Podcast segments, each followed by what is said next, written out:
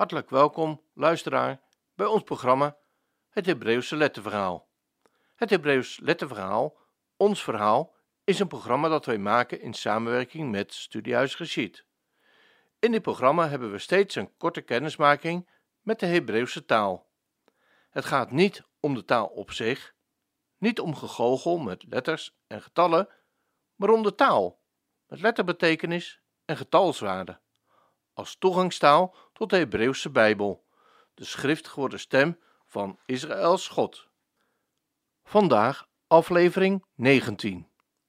De tweede letter in de nieuwe rij is de kaf, het getal 20. Zoals tussen de jot en de alef is er ook een verband tussen de kaf en de bet. De kaf 20 is de bet 2 op een nieuw niveau. Er zijn nog drie overeenkomsten tussen de beide letters. In de eerste plaats lijken de kaf en bet veel op elkaar. Het enige verschil is dat de kaf rond is van onderen, behalve aan het slot van een woord. Dan gaat hij juist kaarsrecht naar beneden.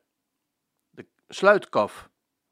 Verder zijn de kaf en de bed beide betrokken op het woord huis. Bed op het geboortehuis en kaf op het diensthuis. Op het leven in Egypte. Ten slotte heeft de kaf, net als de bed, een dubbele klank, hard, met een stip in het midden. Die klinkt als de K en zacht, met een zonder stip. Die klinkt als een CH. De naam kaf betekent letterlijk handpalm, open hand. Of doende hand. De kaf is de hand in rust, zegenend, dankend. De kaf is de hand in beweging, de hand aan de ploeg, de hand aan het spinnenwiel. Of de hand van de bouwvakker, van de stedenbouwer.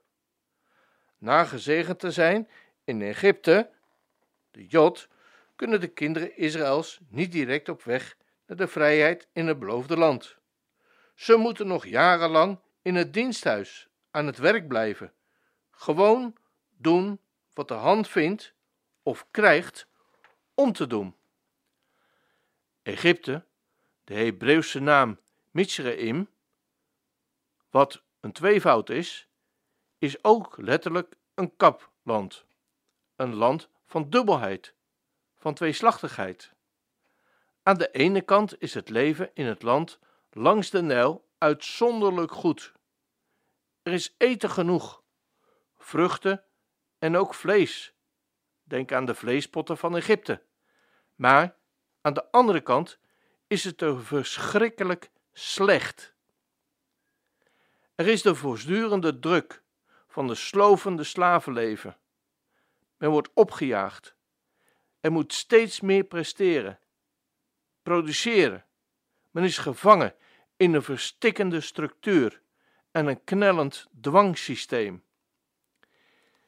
In ons moderne Egypte, in onze oververtechniseerde, vereconomiseerde samenleving, met haar toenemende 24-uurs-economie, kennen wij dezelfde dubbelheid. Enerzijds is het hier benijdenswaardig goed in deze high-tech samenleving en er ontzaglijk veel om intens van te genieten. Maar anderzijds is er de voortdurende druk, de loonslavernij, de jachtigheid, de stress, de burn-out, de vernummering, de vereenzaming, de milieuverontreiniging.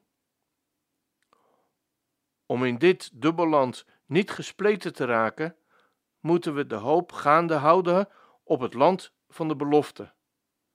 Moeten we vooral de lofzang gaande houden, waardoor een band blijft ontstaan met de een.